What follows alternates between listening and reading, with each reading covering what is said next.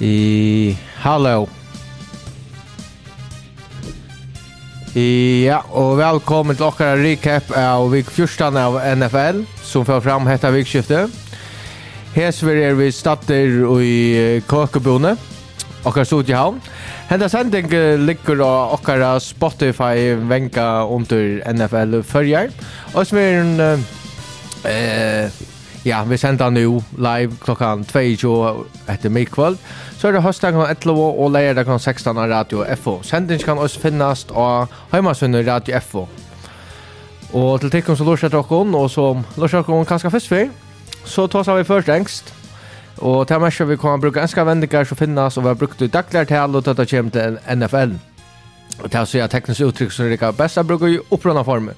Og i dag er vi Trutje Mans i studion, Terje, Peter Asbjørn, og så er det Peter Hansen og serfrøyngen Axel Berg. Men uh, vær velkommen til Potvar nummer 14.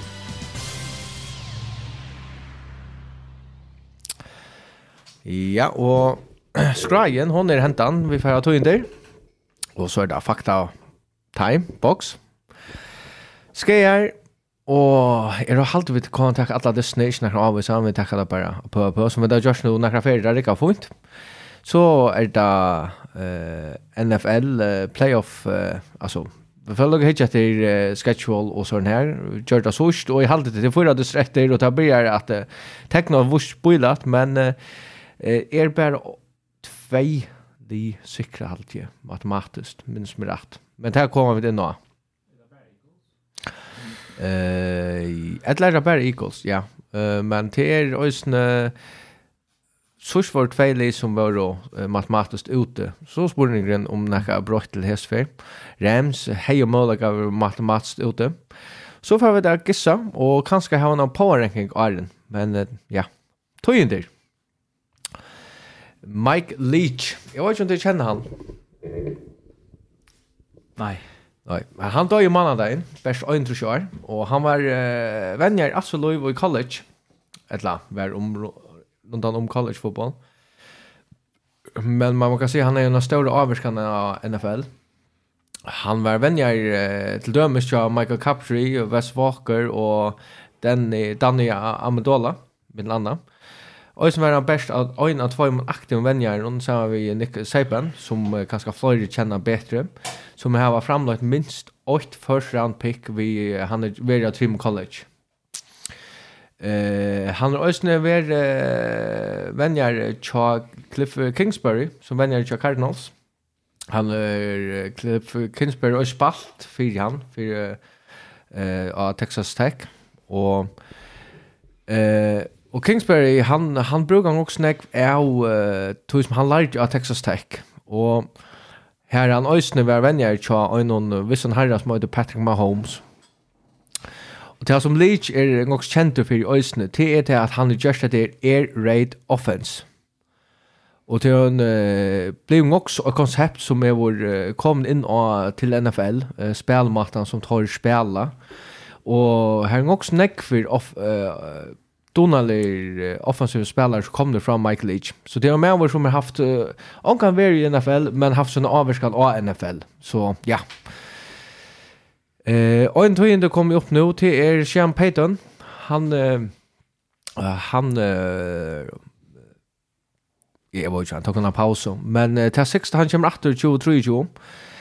Eh, och till hver om kvar han fer, eh, till hver en fer, eh, syntur om at han skulle få til Chargers, Dolphins eller Cowboys. Men eh, nå ser det ut som at han er brått, eller eh, omsønnen er brått der, og eh, sambarst NFL.com så säger Peyton att han kunde gott huxa sig över i åtta av eller vi vänjer åtta linon i Los Angeles till så Rams eller Chargers.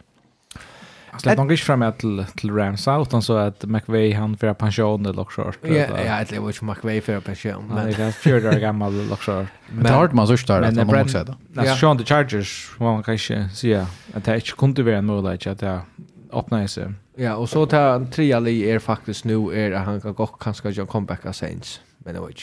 Det är ju till tilltalande bara nu i alla fall att det ska vara mer stabilitet och och Adinon så på den Annars så kan det vara alltså Sean Payton är arbetar Fox som analytiker. Och han är rävlande går eller slett. Eh, han han ger sån segmenter att han vill ska kanalen til Fox Sport. Han henter mitt landa et kvar i vike ved Colin Coward, som jeg hadde er et super segment av sitt jetter, eller det som jøkker ikke til Disney, eller Gjell of the Man, det Øl, øl, interessant med å ha lort etter, han har analyser av NFL. Jeg er super geni, jo. Han, han var ikke han snakker om. Det er ikke han. Ja, og Øyne er kommet at rett, han har jo bare 20 viker retirement til er Cole Beasley. Han er ferdig av practice squad etter Chabills, så det kan gå for han det Kjem rattor. Eh, ikke ofte takker vi eh pontar, men eh, Eagles hevur av uh, ta gamla pontaren til Titans, Brett Kern. Tog at eh, han vann jo pontaren til Tom han er skattor. Og eh Kern miste så så ett rosterspot till rookie Ryan Stone, Stonehouse, men han Uh, Det, det som är er avhåversløsning til det att han är uh, Titans all-time leading punter. Så det er, och og til något som Eagles har gjort, tar Shiner en också ofta ofte uh, kvalitetsspillere i Jøkkens Sonj, det så så, så tar Bidjas ut roster upp uh, er øyne av pass alltså taktiken och tja Eagles är att tar få uh, faktisk, men så vet jag att det gör. Det har gjort i, vid defense øyne. Ja. Vi har, tar signa sjølvan. Eh en damer kan så, og Robert Quinn ja. från nej third trade hit var free agent. Men men hade näka som som som Eagles ger så jag har också att det var kanske av har värst att tacka vi. Och så får vi till fakta time. Eh så snackar vi till vart du Kjell Axel men eh Mr Irrelevant. Brock Purdy men Mr Irrelevant eh, överskriften är Mr Irrelevant make history with another Mr Irrelevant. Det som också avhörs ner till är att uh, Brock Purdy var uh, sust uh, Mr. Irrelevant. Han har en rushing touchdown och mot Buccaneers. Men Mr. Irrelevant i 2019, Ryan Sokop. har ett extra poäng och ja, ta tar tappt mot San Francisco 49ers. Först för när att två Mr. Irrelevant och samma dyste har haft uh, poäng.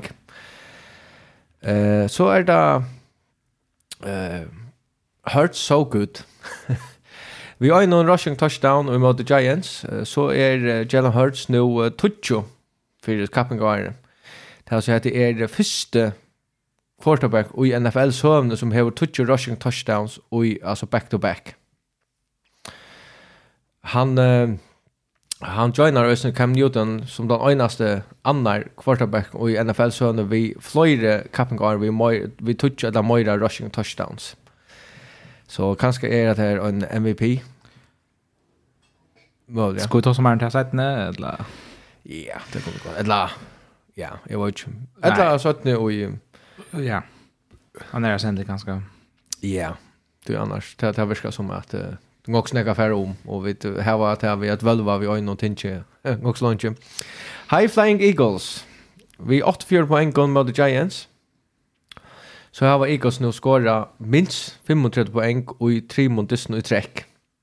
Som är det långsta Eagles att klara sedan 2002. Uh, all around awesome Vi 45 fumble uh, return mot Chargers, så er Tyreek Hill den første spilleren og i Super Bowl eh søvne, eller era til at uh, her var en receiving touchdown og rushing touchdown og kick return touchdown og punt return touchdown og fumble return touchdown i vår en karriere. De manglar bare et uh, interception, uh, pick six og en kastetouchdown. Ja. Så att det är att det är pura att det är pura roll i hött. Att det är att play player var nästan rätt vilt. Ja, att han player han tar en fumble där och så den här bredden och hade jag så som bara han gör. Ja. Eh tar tær att det Hill Øysne bred eller han fick Dolphins rekorden av single season franchise rekord för receiving yards och han gjør det bara i 13 distan. Ja, og han kan tacka all time rekordene. Han är ju så lengt vekk, han 400 yards vekk fra all time rekordene. Och han er och gav mål till til Øysne. Hill hever nu 400 trus yards og, i kappen kappengaren hon. Uh, og til breit rekordene til uh, uh, Mark Leighton som har sett jo forrefors. Fyre, altså Toffens. Mac Attack. Christian, uh, eller CMC, skora i rush touchdown og receiver touchdown i møte Buccaneers. Og hette først, hette er etlende fer han gjørsta karrieren, vi da snakker om det. Og som er eh, som er ajant vid Jim Brown för det fjärde mesta och sövner i NFL. Det är Ma Marshall Falk, Lenny Moore och Brian Westbrook som har Moira. Tar här var 15 och 12 12 så han börjar vara han är en rymna sövlig i CMC men han åtar sig långt och långt Vikings might be overrated. Eh uh, Uh, Vikings hever utskåra hette her året. Alltså uppbliven utskåra eller ja, skår mot dem vi ögonen på enke. Och som gjør det øyneste lige i NFL så er vi minst touch vinn och i jøkken mm. 13 veckor till å ha negativt point differential.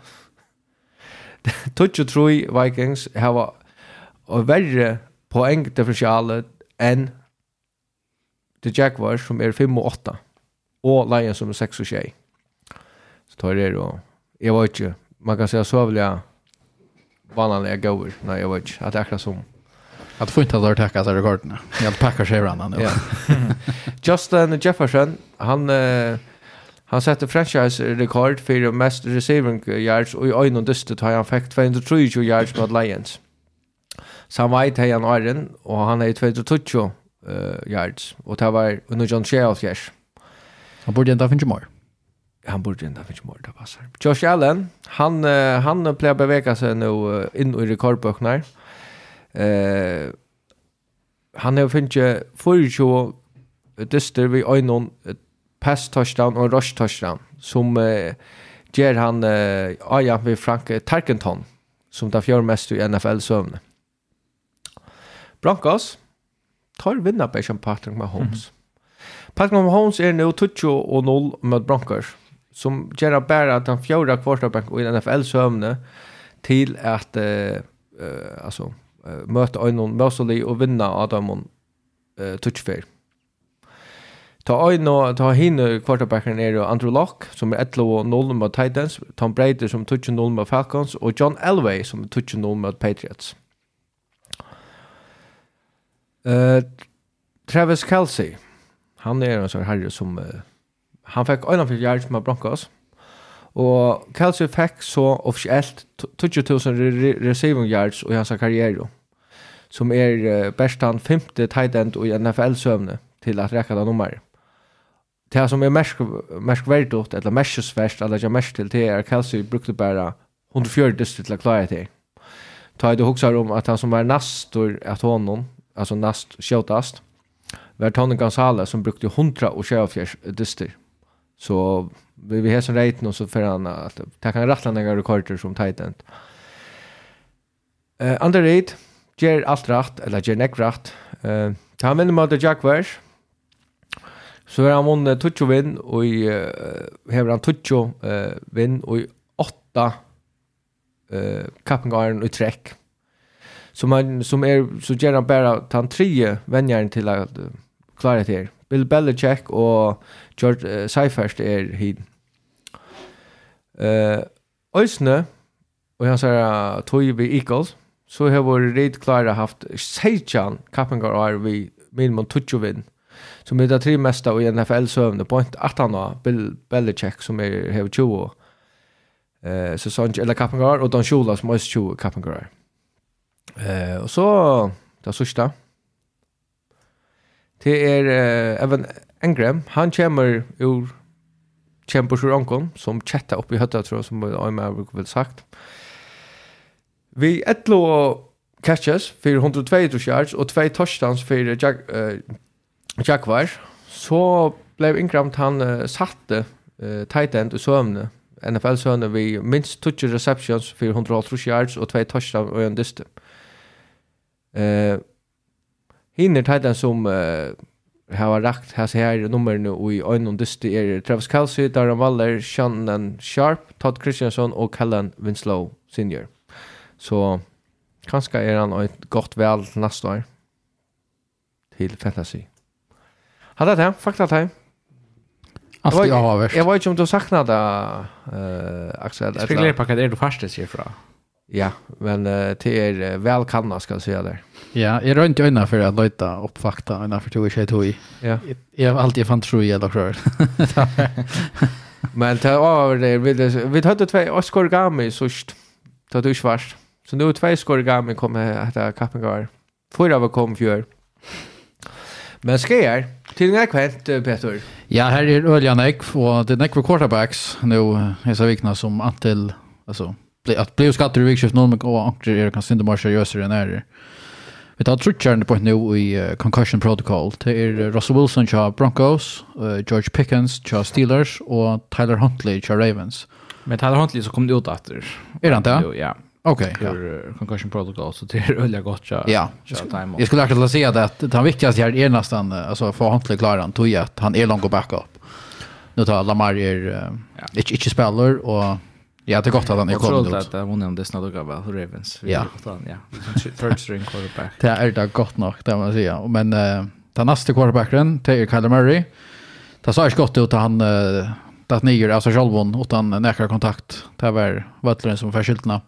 Han knäskade han något med inte färdig. Nej, nej, han slet crossband. Crossband, okej. Det Det kommer fram nu och till Sean det öliga jailet att sluta crossbandet, så sent Kappen Garnish det att Kappen att han nu är och kör det av, alltså tar er ut i av utlån, men, men till nästa år.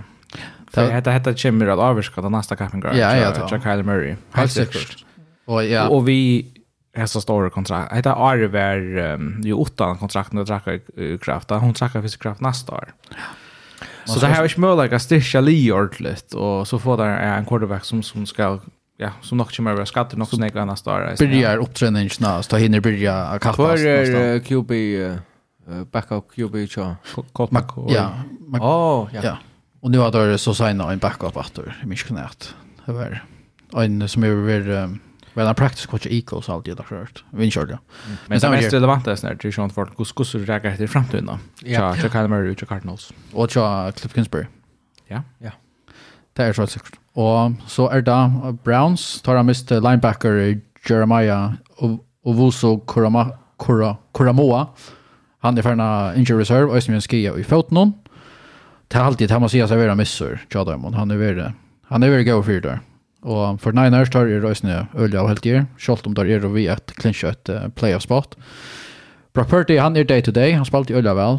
Uh, så drar vi undan att han är klarer till er. Har du då så såna om föräldrarna till Brock Purdy?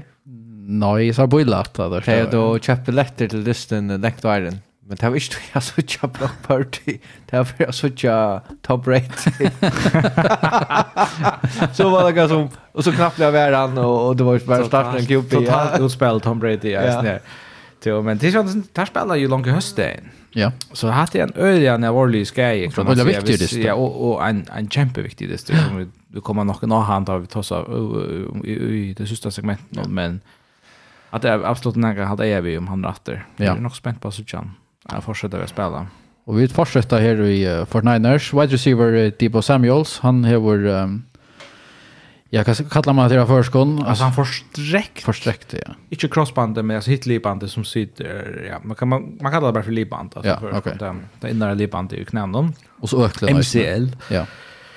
Så han missar några veckor, men, men det är inte en sån kappingar än ända. Så jag tycker att han vill förklara att till playoff. Så tog bättre 4-4-9 skärda så ut nu som att, att playoff-plåse nog ska ligga nog så tryggt till Diamond, Men Så vinna. Öle öle tjej ska jag. Ska vinna hösta så är det säkert. Och det nämnde alltså Debo Samuel här du gott nog bruk för det du har alltså du spelade vid en backup quarterback en third string quarterback eller ett la fourth string quarterback eller vad det blev till. Ja, det som vi kunde blå in i rummet att Jack så så väl Sean och tog att att det är så går de man. Ja.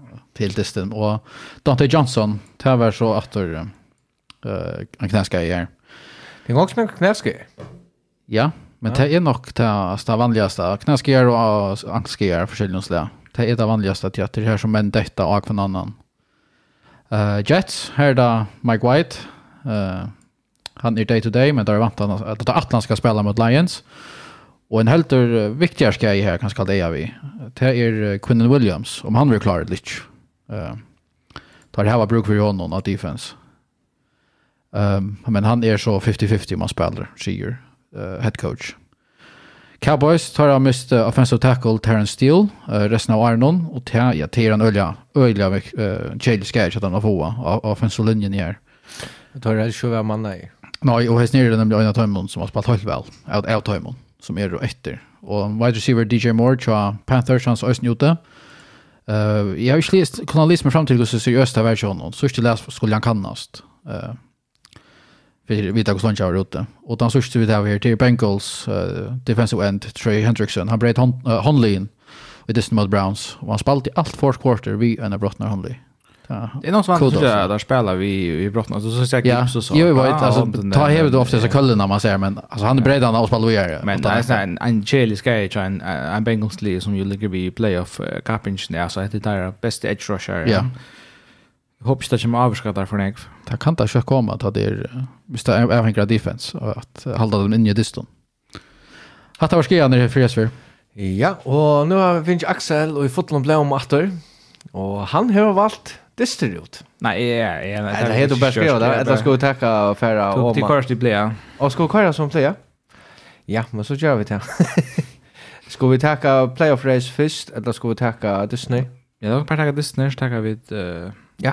Så, jag så kommer liksom reflektera över över urslitning att han har. Ja. Hvis vi börjar vi uh, tog ju första desnon. Vi halt vi skulle börja tog Raiders täpper mot Rams. Och här vi vant av Raiders faktiskt för att vinna. Ja, alltså tar inte inte en intressant det no, det var absolut för, för NFL uh, boilat det eller något. Det som var intressant att här Baker Mayfield han han spaltade. Ja. Och Det som, uh, hvis det ikke har fengt av vi, så ble han senere av Rams, og han var minjen 48 timer til Rams. Uh, det som han har haft minjen tvei døgn til å lese playbookene, og, og, og playbook er rymlig heftig. Og et maten han ble senere på Rams, det er jo det som heter Waiver Wire, Harry. Ja ta han han blir kortare från linjen så färda efter efter om alltså efter draft rush det så att vanligtvis så ligger för en chans till att att signa han till så med kontrakt. Ja, men det är det som är avövers. Och så, så har Rams som har lin också längt nyrre sagt att täcka, alltså sagt jävla täcka. Han kanske inte för Fearbridge att han får det annan liv. Som till dem 49ers som hade rejält jävla kunnat haft bruk för Honda. Det så tar jag som... Han kostar ju 1,35 miljoner dollar. Och till att han får ett uh, pick. Visst han vill signa off-season. Som är väl möjligt. Det är det, helt säkert.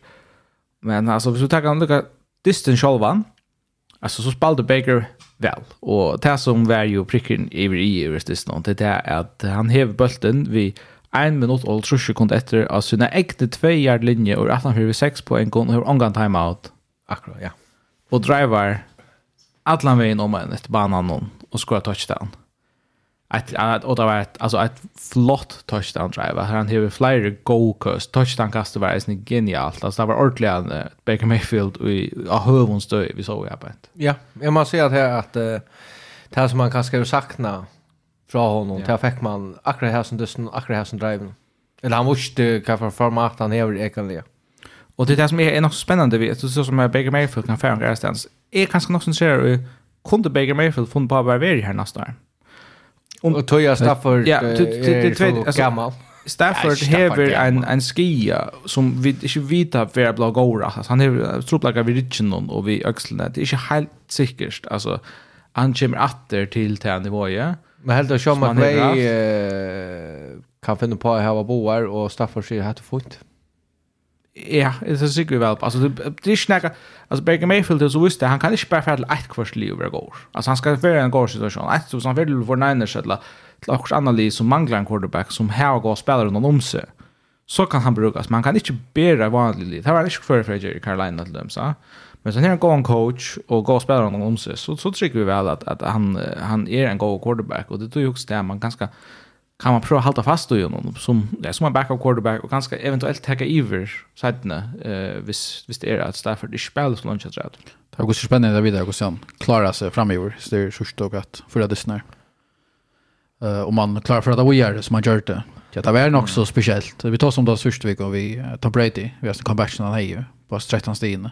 Ja, jag vet inte ska snacka om. Ja, så vi nämnde att det var ett fact. Ja, jag vet inte ska snacka om att det är Tom Brady just a comeback. Åh nej. Nej, men det var det var nämligen alltså först och för i 35 dyster. Alltså han har varit som stöv i 43 och för när Arden. Onkan haft a comeback innan för 5 minuter, 5 15 minuter. Ja. Och nu gör han det alltså så cirka innan för 5-6 minuter. Ja. Ja, ja. Alltså det var alltså han skorade det första touchen i två mån. Det tror jag håller efter men jag man tar allt drive vi och man jag var först ordnar det börjar. Ja, men man fick också en för för yard penalty eller jo, jo. science fick off men alltså yard penalty. Man tar man tar allt vi alltså tar vi guys ner penalty att vi drive det första touchdown drive någon här och så ett sätt all just. to ja, men alltså Ja, det var ju speciellt speciellt att det var. Det var det. Ja. Ja, det är men men jag har alltid jag vet jag så vet så jag också när kvar goa dyster jag kan det. ja. Eh eller så jag gav reklamer för amerikanska fotboll. Hur hur så kött här kan hända och hur så ja, clock management. Det är inte efter Raiders. Det är fjärde distrikt har tappat att framme för touch plus mål. Jag hade två på sidan, en på 13 och en på touch. Halvje. Tack mig själv ut men till alltså i second quarter är det framme för det är det är förvånande att man ska göra skaldan i NFL. Ta man ta man ta sig samman. Hvis vi færa til, jeg vet ikke, Jets Jetspil, Spils, vinn, skuffande, ja, Jets er ute nesten. Ja, det kommer vi til, men... Men, men uh, Bills gjør sina skilter. Ja, men Disney er nok tatt her enn jeg gjelder han ångsrekna burde være. Og det er raskende lukka, altså, det er at Jets spiller opp til Bills, altså, det er faktisk mer yards av offense och här var bulten långre. Jag har fler plays än Bills här i distan. Och tar ett chans att vinna. Alltså ett lat Ja, och där hötte bulten. Ja, nämligen. Alltså, ta touchdown som är ganska jämna distan. Och då är det här det vi, alltså Mike White som, som vi skatter och Joe Flacco har kommit in då är det så just Men alltså, jag, syns jag, jag tycker att stick vi och det är Josh Allen. Alltså Josh Allen hever, alltså man kan säga vi där vi där röst och nej och vi ja, jag halt minst inte vi alla skötte MVP eller för en flyer och gjorde det. Och start för att för det ja. Eh och han börjar öl öl väl, men sista vikna här han faktiskt alltså han är bara spalt under alltså han spalt det så det var annat. Men det var en skaj. Flyer veckor som man vet inte vet om. Alltså är han sån stick vi har bara så jag där vunnit mot Chiefs. Alltså i week 6. Ta hever han eh, alltså så som passer rating ligger nummer 28 i NFL. Han är passing på en fors. Han har nutje touchdowns och nutje turnovers. Och han har 242 passing yards per dis som är nummer 16 i NFL. Och trush procent eh, completion rate som är 30 30 plats i NFL. La. Han spelar ull ull ostabilt och faktiskt nog så vanligt. Inte tycker väl på att playoffs chamber alltså han nog ska kan elevera sitt game och, och Og ta er det kanskje ungen som kan slå Josh Allen, ta han er topp noen, men... Uh, Heldur du at tar færre kött som tar av sikra seg her? Tar rett og sikra, er det ikke? Nei, nå litt kjennom meg. Ja, ja, men, men helst ikke at du tar kvillan. Er, er vi passende til at, at Josh Allen har noen smaskrier som, som vi ikke vet om? Men det där det har bara haft en så äggvislista. Alltså det kör så harst han. Alltså där han ständer och renner. Alltså design quarterback runs här han knallar in i varje spelare. Alltså som om han är Superman och så på ett annat tidspunkt så kostar det ganska. Alltså ordla Superman som för får bara flickva. Då när play this nummer Jets. Hoppa i runt hoppa på mig rakt ju igen och så flän in i nummer 2 i ösnen. Och fick han första down. Det gjorde han så. Ja. Alltså hade jag varit i luften i en 3 yards på grund av rakt så på spelaren där. Alltså det är nästan 124 yard passing till dem så alltså Ja, alltså han är ju spalt 16 ut av av 20 completion, men rent bara touch först att det är det är inte för nek, det är det är ett land som är inte ordentligt helt rätt vi vi honom. Men ja, jag ska ner här att är helt att uh, Matt Milano han var monren i Mittelberlin. Alltså vi stod tog han in och kallade random spelare i fyran så hej Disney vill öla tatter i mina. Så han som gör det största spölen i defense, eller fyra defense, och fär White Eyes Newt tvärfär till han räcker han. Clean hit och i syna. Och inte gäller vi hit någon John det är upp hurra röjn, men det är ju helt i och lägga gå. Alltså, han räcker han härst. Men vi måste vara hospitalet att han har för att man är inte blöjningar. Han kör lämna efter det vet väl, men han väger god. Han hade dyst. Ja, men ja, men gøy. Jeg er kjørt. Så sitter hittet det snart. Eh, här är faktiskt ganska ja, Browns Bengals till så det som det är.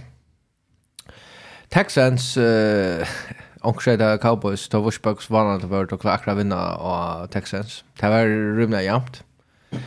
Eh och så jag vet inte om vi skulle snacka snacka om uh, Texans Cowboys men uh, Lions tar vinna av Vikings. Ja, det var favoriter. Är det nästan. Seriöst? Ja. Yeah.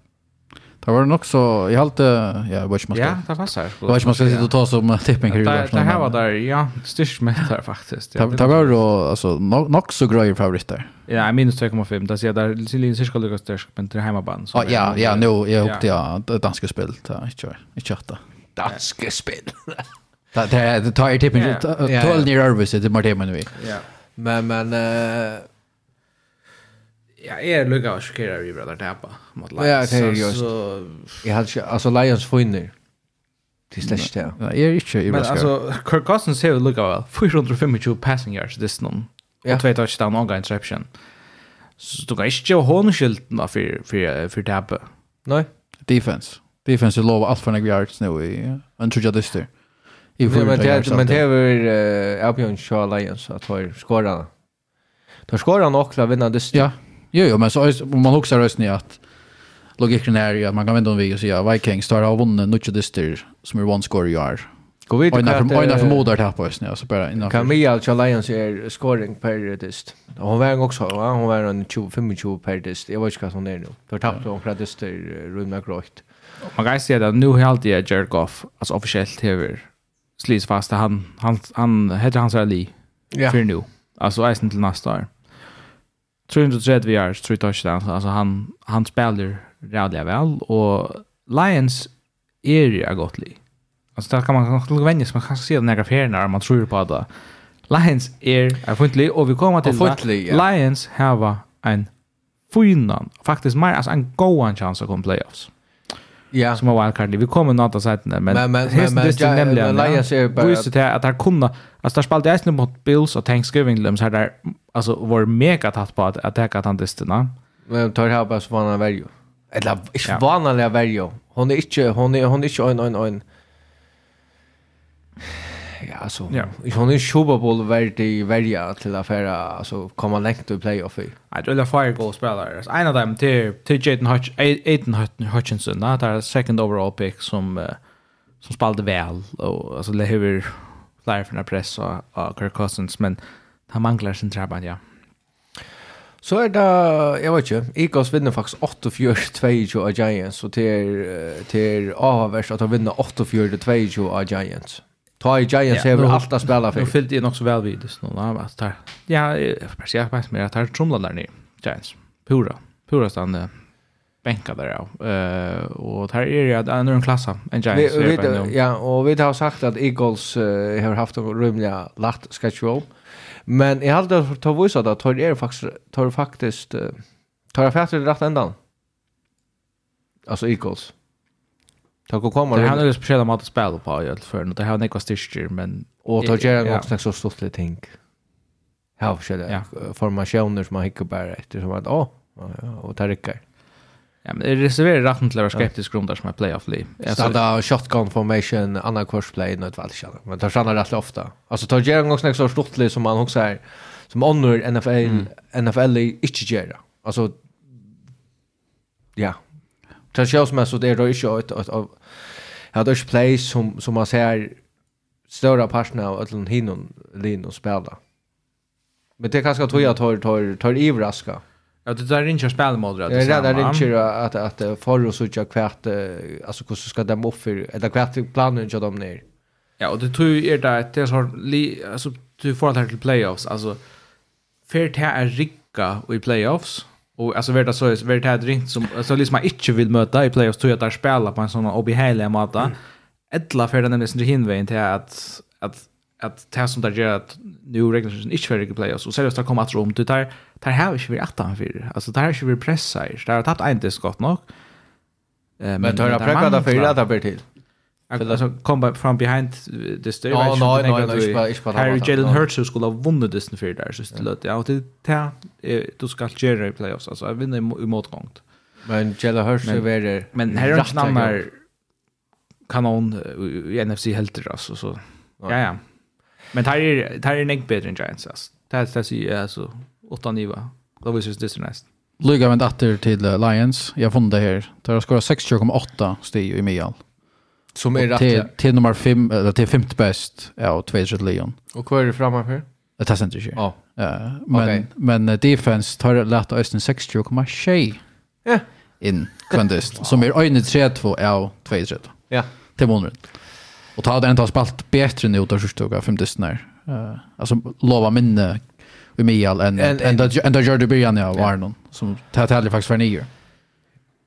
Kanske Ravens tar vinna akkurat av Steelers uh, och till ja, Ravens är F tar här så tar bra såna går Chelsea så sticker för sig själva att eh men tar knäck man säger in mot Steelers tar man säga att att det har tagit bruk för för jag var vi Jag flott att där vinna åt alltså vi åtta lammar. Aiden, Anthony Brown och så, så quarterback på sjön ja. alltså ja. Helt där Antonio Brown nej patchans där så är det ett som uh, som som uh, Jack Wesley kom igång ja for sure na ha? ja jag hade haft det var en av de mest överraskande utsluten ja. Nej En som är... Ta vinna 6-32 mot Titans, och Titans spelar hemma och Titans har också spelat för. En som är fylkjeneg, en, en analytiker, han blev ju refererad till Trevor Lawrence som the prince that was promised. Alltså att det är, det är prinsen, kronprinsen i NFL.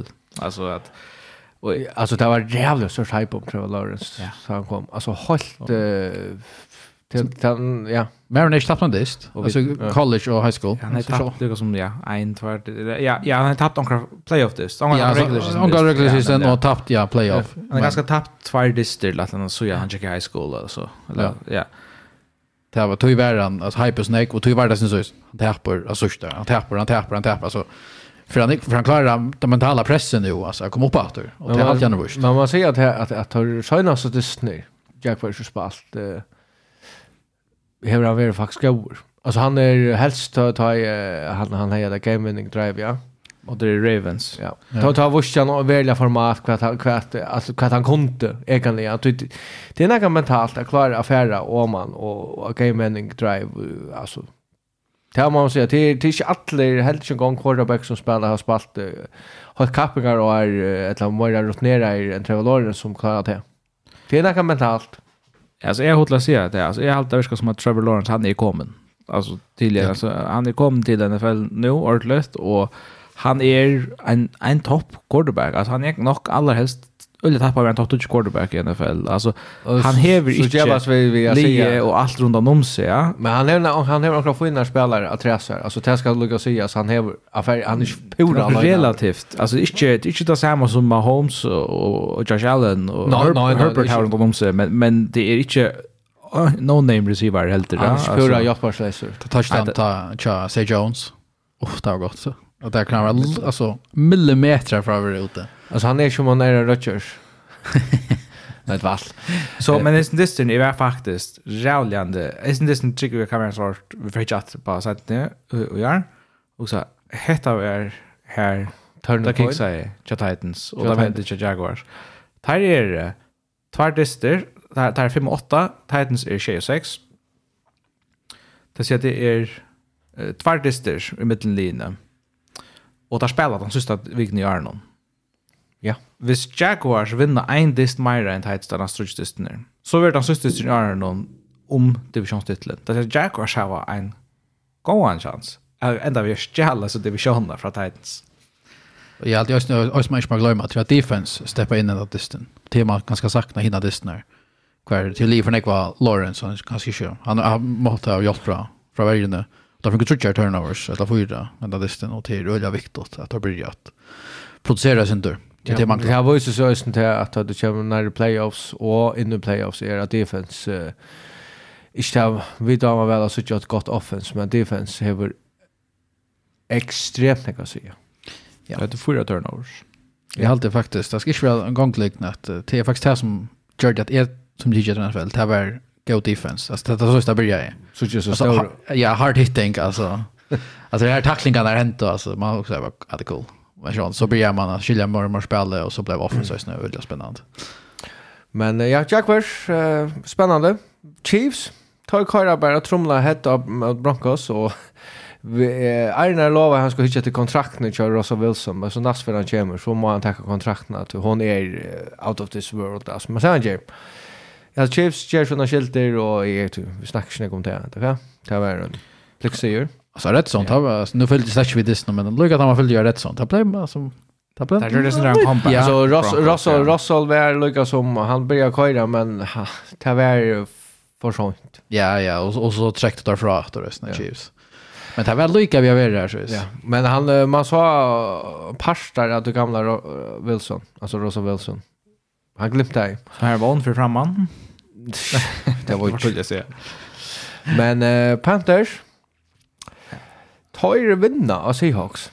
Det halt är er, alltså och och det är också stödle. Ja. Och det halt är alltså för alltså helt det var fantastiskt för mig som Giants fan. Nu ligger jag sig knappt utanför uh, wildcard. Därför heter det så där vill vi ha någon innebant nu va. Och det som har varit tar Panthers tar kan till tar 5 och 8 och Buccaneers 6 och 6. Är på uppe again. Ja, och det är det katastrofalt det här på det för Seahawks. Alltså där där skulle ju tappa. Såna här dister och hemma var till mot en Leo som är klart variant där. Gino Smith spelade faktiskt illa. Det är lite det blir att koppa skarven vi att John och nu får alltså men man kände det visste vi det här det är nästan MVP-aktig nivå i han helt. Alltså det här får inte att är värre vi men Jag syns det är det sån dyster som tycker man på in också snäck som Seahawks fan som man ordar sig att hoppa på playoffs men men det är till ska ske att det är på gamla affären. Nej. Kallt Nej, och som jag ska glömma till att run game tja Seahawks hittar sist och att tror jag det snär hur non existent. Det tar själva um, Kenny Walker förut. Det hjälper dem gott nog inte. Alltså allt ska länga av Gino. Jag vet att uh, förra dagen säger. Men det, det var ju spökos, eller det är kanske bära till, men men det här var Och liksom är bara bara sessioner på alltså ja, det är viktigt. Ja, du du alla där uh, QB som är kvar. Ja ja, ja det här som man tar sig om ta tantisten uh, Walker förut var att ta steppa i Gino upp och vann disten för där. Men ta så rent Jerry Longton det bara kasta och kasta och kasta och kasta. Jag fast vidare kan det göra. Men lät jag också snacka om en man som vi väntar för att täppa Sinchand. Det var Buccaneers spalt mot 49ers. Och vi vant av att få Niners för jag kan tappa. Så det var Mr. Irrelevant. Så att man kom in och klarade så fort. Men uh, det är att har faktiskt halva bocken ner sig. Och eh, man ser att det att för Niners uh, har en öra gav defense. Eh, tar, ja. Uh, Brady var en pressar med av för jag det så oss. Jag satt visst nästan, alltså jag, jag var pura i chock imponera av Och så var Brock Purdy spalt. Ja. Alltså jag var och han känns att han låter wow det är vilt alltså av en rookie seventh round pick som säger Mr Irrelevant i draften någon. Alltså han för in och han levererar bara. Alltså inte bara att att alltså det är ju sån oh, små little kost där screeningar och slant router alltså stort kost. Alltså det är det är kanon kanonkulor om man efter ut såna. Jag har en statistik utan han har flere djupkost utanför numren som man säger. Det er jo så helt ut så søylinjen någon djupt. En Jimmy G har haft allt år på en dist. Du vet, det er Men det hur snack hvordan jeg kvart Jimmy G är alltså han är en en en Jimmy G är ju en en en stor eller vad ska man säga han är just en stor player i Jimmy G men han är alltid allutande och han han han han har alltid allutande alltså han han är ja han ger det som han ber om men han ger inte något extraordinärt Och jag säger att Jan är inte några det. Nej, jag du samma att Jan inte men Brock Purdy han som han säger han han får ordla vi beställ någon fram så bara plaffa jag nu. Ja, så man säger alltså flyer go cost det någon alltså vis vis hettar. Ja, alltså är det nivå som han helter. Så så vinner för den Super Bowl. Alltså ta ta det men kan han bara nej ta det vis hatta nivå är det men hetan det var ju ett trick inte på att alltså att att han är så god no, men tänk också cool hvis han kommer åter nästa test och han har jag vet inte om han brakar ett eller ett och vi är bara någon och kommer in och spelar gott så visar han att han är och quarterback format. Ja. Så alla quarterback som jag vet om har spalt för skia. Ja, men som du säger alltså det var ju så att 49ers har bara rätt gott. Ja. Alltså Det här var klassa spelare. Det här var Debo Samuel, Christian McCaffrey, alltså väldigt klassa spelare. Det här var väldigt nya, ja, Så hade gott liv. Hvis vi lukkar hoppa og bare sier at her at tog at Agnar er ikke her. Poitje, altså. Her er vi bare tror ikke. Da først taper mot The Chargers. Og Patriots vinner av Cardinals og til avverstere Cardinals taper uh, grått. Så er det her. Skal vi fære til uh, playoff, uh, eller skal vi fære til uh, Gis power ranking. Jag skulle ta playoff, playoff race. Ja, jeg har Sven igjen her, og så spyr jeg vi å si at hette er Hvis jeg vil få takke katt og takke AFC, eller NFC, AFC? Jag skulle, hon blir vi AFC. Ja, og det er, hvis jeg ramser redde kjøtt opp, så tackar vi det. Det är att nummer 8 sitt är Bills, nummer 2 är Chiefs, Ravens är uh, Troy Titans er nummer 4, og så er det wildcard, uh, 8 er Bengals, Dolphins 2, Chargers 3, og så er det Patriots som er under race, vi Jets, Jaguars, Colts. Eller Colts kan man ikke si. Men alt Patriots, Jets og Jaguars. Uh, det var en reelle skjøt oppsummering, så får jeg takke sin til Gypre. Ja, altså det som er interessant er alltid noen far race som er interessant. Det første er sånn, kvar fær toppside, hver det Bills, hver det Chiefs det har jeg å si, hvor er bye week, hvor er heimabanan, hvis det er Berlin møte i, i conference uh, championship, hvor er heimabanan da? Og det er som folk, uh, det er som folk skulle vite, som ikke, uh, som ikke Kvoi det er så viktig, til det er vi så først av wildcard, så er så börjar du ute, og du har redan lengan ved, for å se akkurat som er å komme til Super Bowl. Du har ångan heimabanan fördel fordel, whatsoever. Og du spiller mer dyster. Så det er også viktig at vara här uppe? Ja, alltså en wildcard league det är är alltid true wildcard league som har vunnit Super Bowl det sista 20 åren eller 25 åren eller så. Alltså Giants, Packers och Buccaneers har just det. Men um, så men eisne särskilt det få nummer ett seed eller topp 2 seed yeah. det de kommer bara neck neck åt Super Bowl. Du, du sitter första runden för ungefär iver och så spelar du hemma på en annan väg. Och släpp fra ut så affärast och Och så har jag störst land så det är nej ja. för näka fyra kikar till till där ferande li och till till, till ja ja. Och Chiefs har omgått i spalten utbandet playoffs sen. Vi Patrick Mahomes. Och det blir avhållande. Ja, visst det kommer här till, men ja, vet. Och så det här som så är intressant den nästa, det det där AFC North, var det Ravens eller var det Bengals. Och det är lite ju Jon nu, men Ravens spelar ju utan um, eh, Lamar eh, Jackson ett för hittar till nästa tuna.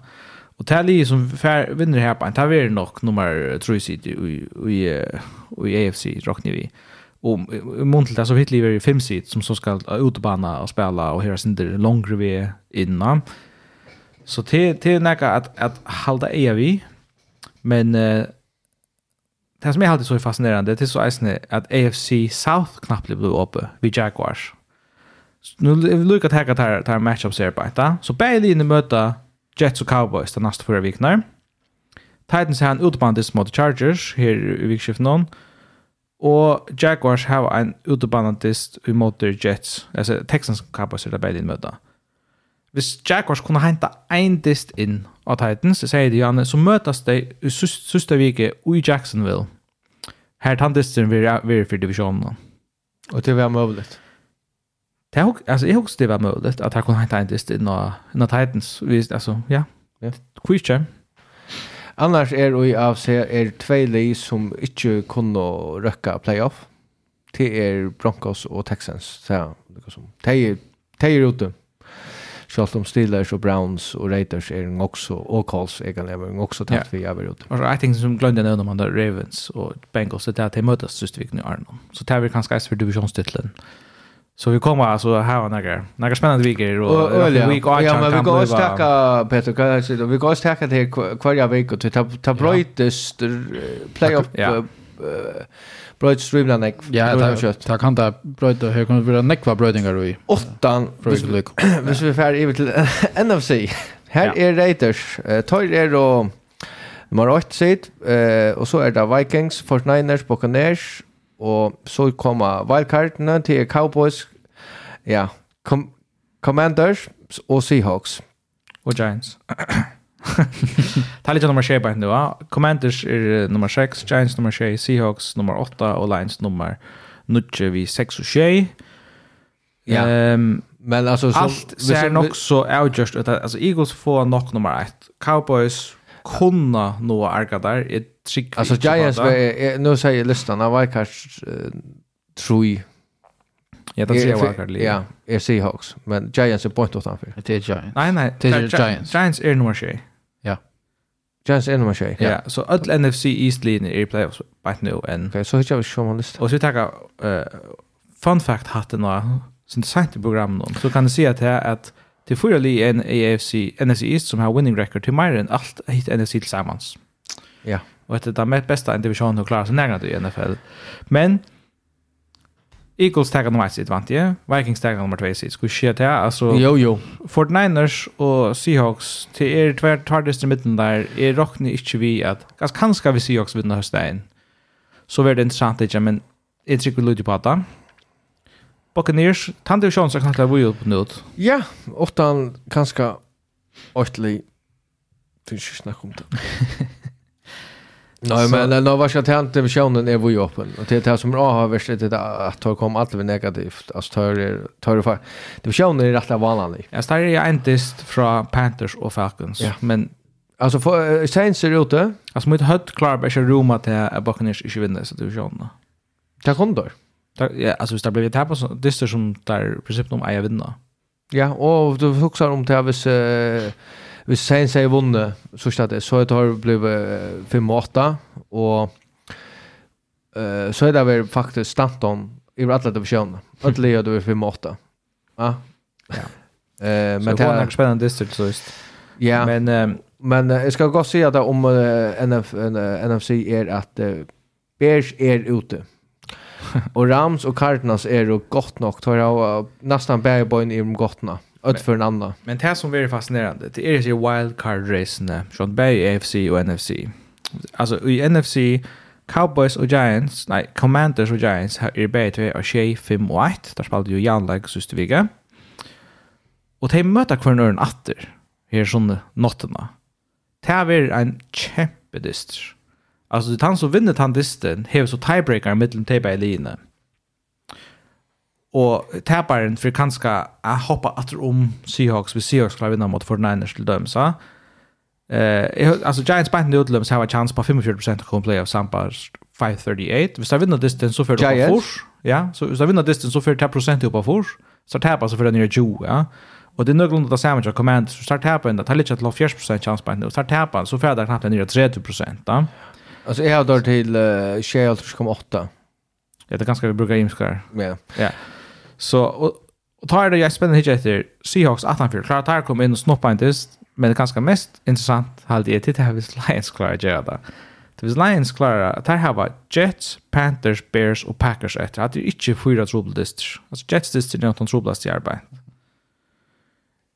Ja. Kvart visst har kommit in i stället där? Så tar komma, alltså tar komma lite bänt utanför det.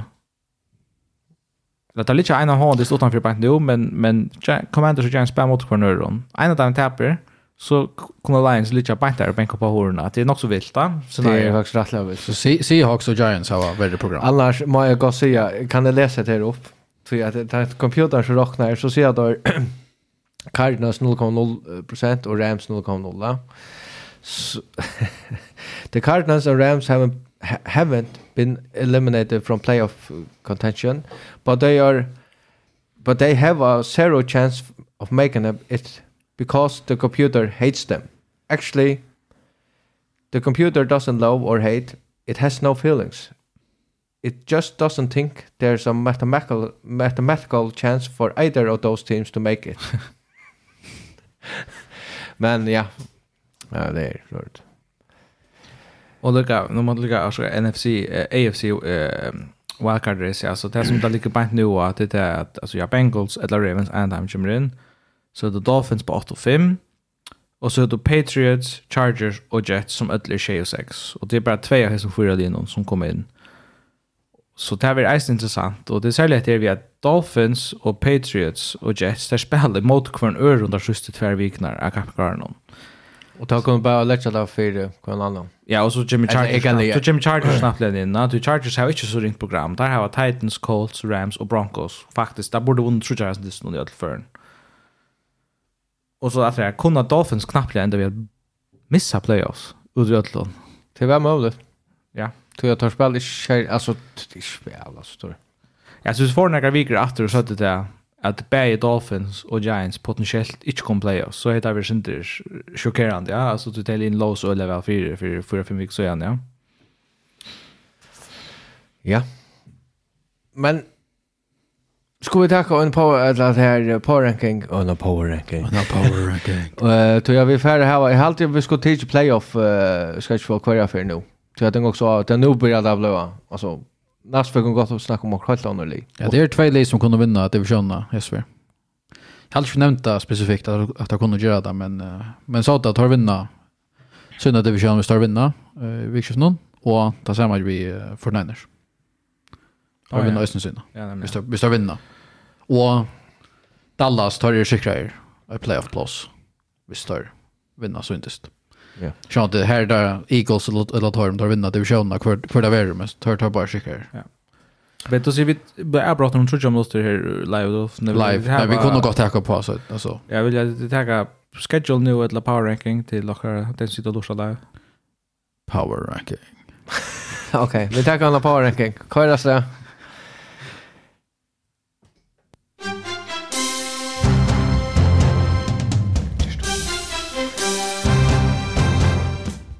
Ja, og så spurningen kvärt helt han på ranken for om hon får være om rookie. Rookie power ranking. Kvar er nummer 8, kvar er klarar seg best av lösningar. Vi begynner ved nummer 5, til Aidan Hutchon. Han har haft tjej, sex og Arnon. Eh, et, og han er bare ikke den beste, men han er nummer 5. Så er det wide receiveren, hva kommer fra? Drake London, Tja Falcons. Han er klarer seg faktisk rettelig vel i mån til han spiller i Falcons, og hever Marcus Mariota at det seg. Det hjelper seg. Han er bare ikke her.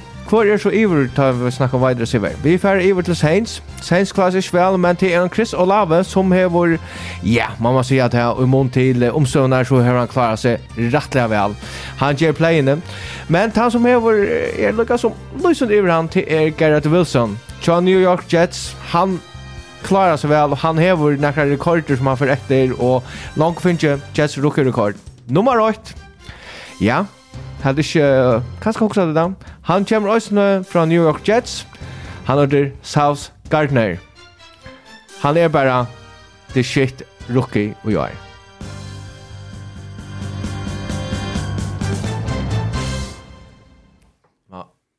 Boom. Ja. Ikke nekva over oss andre, alltid, ja. Så Gardner over, ja. As rookie of the year, absolutt ja, han är bara alltså otroligt att Mauer kan han spelar som han är ja, störst Anna och så nu alltså Sean här och Janna just nu men men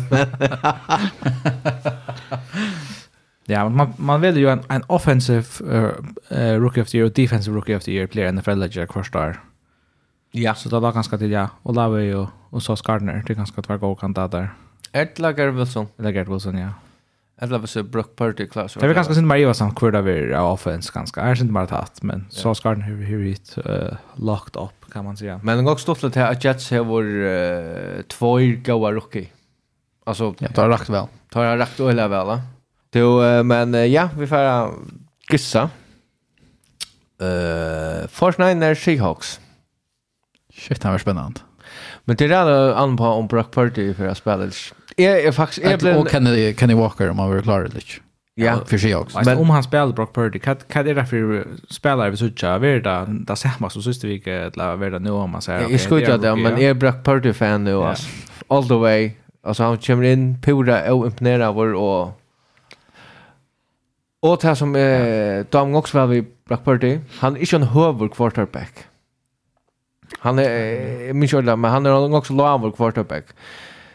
Eh och ta är ösni åt som man säger och ting som är mot honom. Ja. Eh och så gör han så place när playen det alltid var. Men eh jag vet inte. Det tippa. Jag vet inte hur man börjar vi. Halt jag ser Gussie för Niners vis Walker should vi. Se också alltså. Men. Vilket party är Schweiz för Niners? Så halt jag ställde på Gina. Det är som säger, vi vet inte. Alltså, det, det, formen, det, det, det, Formen hur vi är så vanlig, jag ser också alltid ja. nu. Alltså att, men se också må vinna. Ja. det må och, och för Niners alltså vi ser oss vinna så är det där i playoff alltså att en en av this alin under alltså Commanders eller Giants må ju tappa åt och den där andra gromma så så är det ju har där foten inne och lite nog så pent du svinchen någon här bara. Men men men återspel hemma nämligen. Men är det är det inte för Niners att lucka allt. Det är alltid det för Niners är att du rätta vännen alltså själv alltså utan kort utan alltså där blev jag missat där quarterbacks men lucka väl så är stabiliteten bara runt om li alltså. För är third quarterback eller Josh Johnson ska spela vis uh, Brock Purdy spelar. Alltså den gamla veteranen som har spelat i Touchims kunde i NFL och rört. Vad är det för Niners? Ja, det måste jag för Niners. Uh, Men uh, hvis Purdy ikke vi, så blir det veldig spennende. Jeg har bare problem. Du er Gino Smith av Fantasy, og jeg har ikke nekva, Ish er og Mike White. Så jeg, jeg råk vi velge Gino Smith. ja, Fantasy, som jeg skal spille mot Arne til playoff. Og annars så hinner uh, kappen som er jo, jeg får 20 sti, 18 for Aknar. Aknar kom på i playoff, jeg kom ikke. Han kom så satt av sitt, men sier ikke. Ja, uh, Colts og Vikings. Ja, det er vi får uh, en helt omfær av NFL last lærdagen. Ja, og til er lærdagen. Klokkan seks. Seks, holden tutje og kvart iver ett om natten er beint. Ja. Jeg er redd vi på at jeg gjør det i NFL, altså, man, jeg kan gå hoksa meg så jeg finner flere lærdager i NFL, altså, så det spjer det sin ruta. Ja, og til... Jeg tuller jeg lager av at.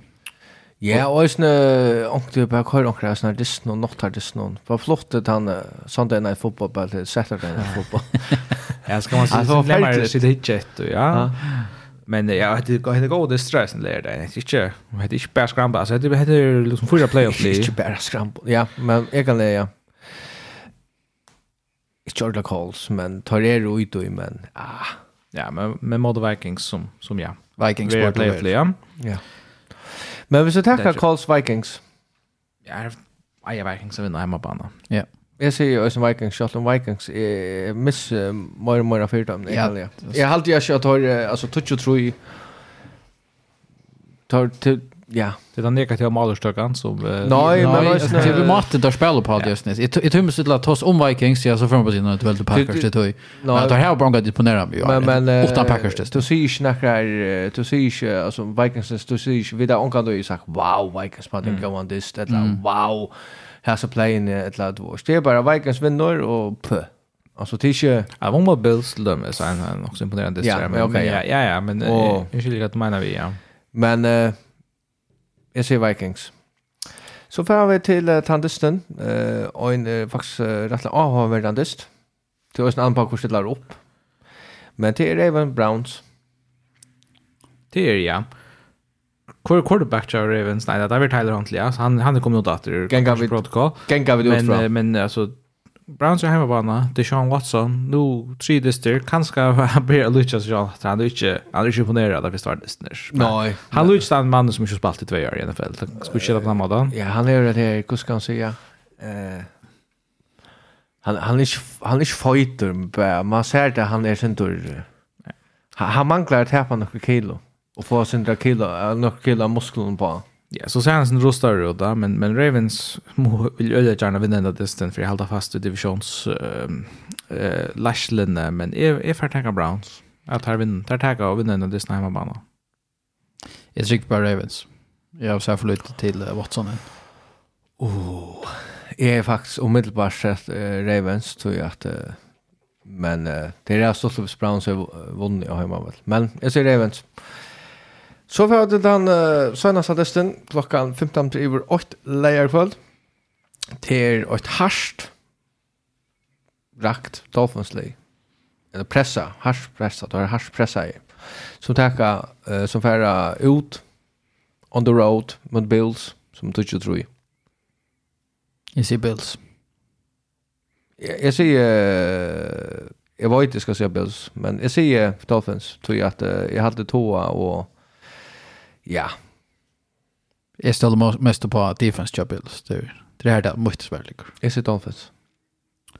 Ja, så det är ett hårt pressa Dolphins lag som ska Det är liksom performa i mot mot Bills. Uh, det är ju ordla vinna. Bills så startar på så missar det ganska nummer ett sida. Hiver vi en Dolphins tappa där så blir wildcard knappt av vi vantar att ta emot där playoff plus i Rövra. Mm Och det är ju helt sjukt sant. Visst Dolphins vinner hända disten så kunde där väl nå stjäla divisionstiteln från från Buffalo.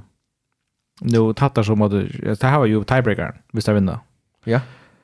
Men är ja, är rock vi Bills gör det. Där spelar Isne hemmabana och där spelar ju Öljen kolta i forhold til at Miami, jeg har alltid samkring så at Miami tar det liksom 25 grader nu, og det er minus 20 grader lett i Buffalo, altså det er ikke... Ja, man må ta kjære. Det var en sceneskift å komme til Tammans, vi tror bor i Florida, Sälja att man tar sig om till bildstesten. Ta värda att det är vid heatstroke och allt det här. Nu ja. får det akkurat det motsatt. Ja, nämligen det. Till det som är något fascinerande vi alltså att USA är så största alltså det är alltså Lina ja. från Florida som kommer att spela och, och kolta och det är så imest andra kardösten ja. Och det ser man också väl med sort rivalry här på hur hur hiten den kan säga och Florida-linjen, alltså Jaguars, Dolphins och, och Bucks tar playoff att klara sig och det väl i september. Du tar er där rävliga hajt nämligen, ja, i Florida och då skulle hinlinjen komma här på så vi kanske skulle gå om vi hittar en då.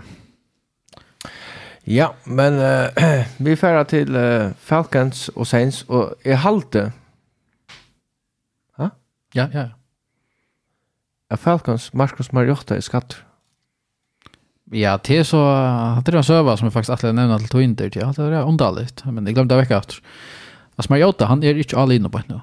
Han är Men jag halte han är skattor. Ja, alltså tar sig att han är skattor injury reserve. Åh, oh, han är plötsligt veck. Han är veck. Ja, alltså, alltså jag halt har korstan av sig alltså av källa ytor att han skattor knä någon ska opereras. Okej. Men till slut som sen för operationen heter han själv och han bara veck. Han är ju all inne. Han är ju runt omfasilitetena och Ja, ja, alltså det är inte mystiskt. Ja, ja, ja, det är inte mystiskt och inte varit ordentligt så när om det i har alltid alltså officiella NFL för. Tos tar han nämnt men tos ölla lud om det. Det är det Athletic ett blä i Amerika som nettar mest. Och där sport och Arthur Smith där snö. han var det ja, så han är ju här och Men han är skattor. Han får, han får hemma med mamma. Ja, ja, alltså att, alltså att det är så mystiskt att han bara sagt fint till början rockar ju med i hundsmör. Alltså det virkar inte att det är på andra mattan. Men lyft och spyrst, det kan vara att han faktiskt är skattor och bara välja för att till synspecialist. Så han gör, jag trycker vi allt på Saints och en annan för trycker vi på Saints. Jag säger Saints. Dalton's back, baby. Saints. Jag vill gärna ha spänningen spänning i om det så för att Falcons. Och ta nästa distrikt tror jag Panthers mot Steelers. Ja. Jag kör shot för Wuhan så hoppas vi att Panthers vinner hemma bana. Så det vill ha sin spänning. Hur ska det ha spänning här så att vi kör spänningar nog hinner. Jo jo, men bara mer spänning. Okej. Och kanske från alla vinklar ska ha spänning. Jag tycker väl på så vi Pickens inte förklarar så tycker vi på Panthers. Men jag jag hade till Steelers i samspelet. Vi ser Jag säger jag säger Panthers, men alltså det är ringa tanna på. Eagles Bears. Att ta bort med walkover till Bears. Nej, ja, Eagles. ja. Ja, jag säger Eagles. Det då är ju så jag på näkras mat att Bears skulle det. Men det är så avvärs. Det där vi så helst jag så jag Texans säger om Malaga så så så vi går. Men det tar jag då som man säger go on. Cap the sky. Chiefs halvar nok Texans här, va? Jag säger Chiefs, men Porto där. Helt riktigt, men så gör Texans arbete Leos. Nej, det är kolla då. Det kolla då. Det här är inte närvarande till att göra. Nej, inte akkurat det. Men nu så kommer en öle öle spännande stör. Till Cowboys Jaguars. Och här får jag från enkla bara säga på en av en Trevor Lawrence all the way. Jag trycker Jaguars hem. Men då måste väl Jaguars, jag måste säga det. Jag attla till shoulder fram här. Nu nu visste jag bara som jag hänger av vakten nu. det attla komma ut och se det men du kan säga jag hade till Jaguars tar är liksom en upp att gänga till kurva bant nu. Jag vet inte om Cowboys är det eller eller men men a hemmabana och en must win eller ganska kanske orla must win men en eller viktig under så så tryck vi på att göra det. Ja, det tror jag också också jag vad ska det ska trycka på Jaguars så kom det vara att en och en för kanske Trevor Lawrence och präkva med skoft för för jag jag helt gång snackar av Trevor Lawrence. Men ja. Vi ser Jaguars Shuttler för nästa. Lions Jets. En en öliga spännande ja. list. Det är en ikru. Yes, Ja, ja. Jeg kan gå se Lions på en av veien. Alltså man kan säger två li här i bägge två är bänt utanför wildcard plus och konferensen. Tappar inte men missar också av World fet bänt här så så så faktiskt att jag stolt stolt matchup och två är också intressant li som underdog li men jag tar Jason Lions. Jag har alltid till att att Jets har all upp för att jag kunde fylla vi Lions ja. all upp. Det är akkurat det som jag skulle säga just nu. Jag tar vurst för lite så att var första veckan alltså att ta klara nästan ta klara framåt 20 yard och 15 yard men ta få annars är Jets är rally att att att rally spännande ungtlig Ja. Alltså nästa år vi står klara halta såna roster och klara få att några små tänker så är det gott nog och spännande. Kan man så se. Ja. Men uh, Cardinals Broncos men det spännande det står men Cardinals Russell, hvis Russell spelar så sier Broncos. Annars var det faktiskt inte jämlik. ja, ja, faktiskt. Nej, det, nej, ja. Så var det lite alltså. Broncos säger. Patriots, Raiders. Det, det jag sig stål på Raiders, vi måste säga Patriots. Josh McDaniels mot Bill Belichick, ja? Ja. Nej, något sånt sant där snä. Det är avvärst. Och till det är avvärst tror jag att du har faktiskt Raiders är faktiskt eh såna stist någon här har de finnes sitt offense att fungera. Här med till Patriots finnes sitt defense att fungera. Tar det nummer 8 defense i NFL-løten. Samla. Intressant. Eh, alltså Patriots skulle ju vinna ända disten för yeah. att, att hålla sånne playoff one kvarande, men är är för att se att det er Raiders tar, tar Jeva timeline, altså det snubbla. Eh så jeg sier att uh, alltså Patriots tar tappat att disten, og Raiders för att ta han. Vad säger du på det? Jeg Patriots. Vad säger du Patriots? Ja. Jeg sier Rahamdri Stevenson renner den sista touchen in i sista kvarten. Jag säger Patriots. Och så er Titans och Chargers. Det är alla Disney här nästan också i playoffs att göra. Alltså, mm. ordentlig. Nej, Chargers vinner Disney. Ja, jag jeg støller just mest på Chargers, men till Marty att det står stäcker på defense, ja. Så tar den spännande. Gås för under Henry till att explodera. Ja. Som man gör. Men jag säger Chargers. Bengals uh, Buccaneers som är faktiskt rätt avhöver. Ösen. Alltså i Bengals. Och ja, vi får ästen tacka Bengals. Och det vill säga till att vi kommer ganska hit in i en uh, NFC South som vänder ströten nästa vecka. Ja, och jag tar inte Ösen Bengals. Ja, tar tar är bara ett fet bättre än boxbite nu. Och vi och vi damar väl QB. Så spelar så i Tampa gott nog. Vi tar var QB. Ja. Ja. Fra Bengals, det var veldig røst. Så kommer rødt til Elie Tja Axel, Giants, som teker og måter tar i raskande. Ja, det er til Washington. Ja, færa on the road til Washington. Vi kan takka Axel sørst. Hva sier du for det? Jeg sier Heineke. Jeg sier faktisk også Heineke. Det er ikke tog at jeg var med her, men, men Men jag har spottat kommandor så när ut, men nu har vi hukt oss inte mera än bara fyllt vi eller det. Och faktiskt är det imponerande. Du tar är är inte tar ja, tar spela upp alla spela upp till sitt bästa. Jag faktiskt uh, små öppnare av det av kommandor. Ja, så objektivt så är det den bästa distan hesa vikna. Det är reisen till NFL kvar det flex schedule och där sista vikna är här där flita distan så det passar väl vid showsprogrammen då. Og da flyttet jo ned til Sunday Night, som er det mest populære tidspunktet ja, i USA. Så ja, det er liksom Game of the Week. Ja. Eh, alltså blir det liksom sex och tjej i playoffs och han som tappar den disten för att stanta nog så ring om korsna hon om man kommer i wildcard med vinnaren. Är är du inte så för mig vinnaren just det någon inte i playoffs. Ja, jag vill ha jag något. Nej, det är nog så gott. Det får jag inte säga. Men alltså, alltså Giants hade alla chanser att vinna mot Commanders. Så för time vi så igen, ja. Tar skulle det vunnit han distan. Är alltid en av de bättre li än Commanders, men alltså det är så skillnad. Här hoppas här är så förfärligt en spelare. Jag ser bara att Commanders spelade bättre. Jag må, alltså, är nöjd ju att tacka Giants. Alltså, och det är, är trygg vi är nu väl på att Ja, ja. Ta så ikke dysteren som, uh, ja, til Rams og Packers. Det er ikke helt stort, sier Packers. Baker Mayfield. Forklaring, Baker Mayfield. Tek du Baker? Ja. Jeg sier, jeg må, må si Packers, men jeg damer vel hvis Mayfield er just nok til Men uh, ja, så kom vi til en annen for Jack noen og her, uh, en pottvarsp. Og så var det Takk og en potvars neste vecka. Så jævl. Så er jul. Och NFL julafton. Förstår? Till det beste vi julafton är. Nej. er det ja? Ja. Ja.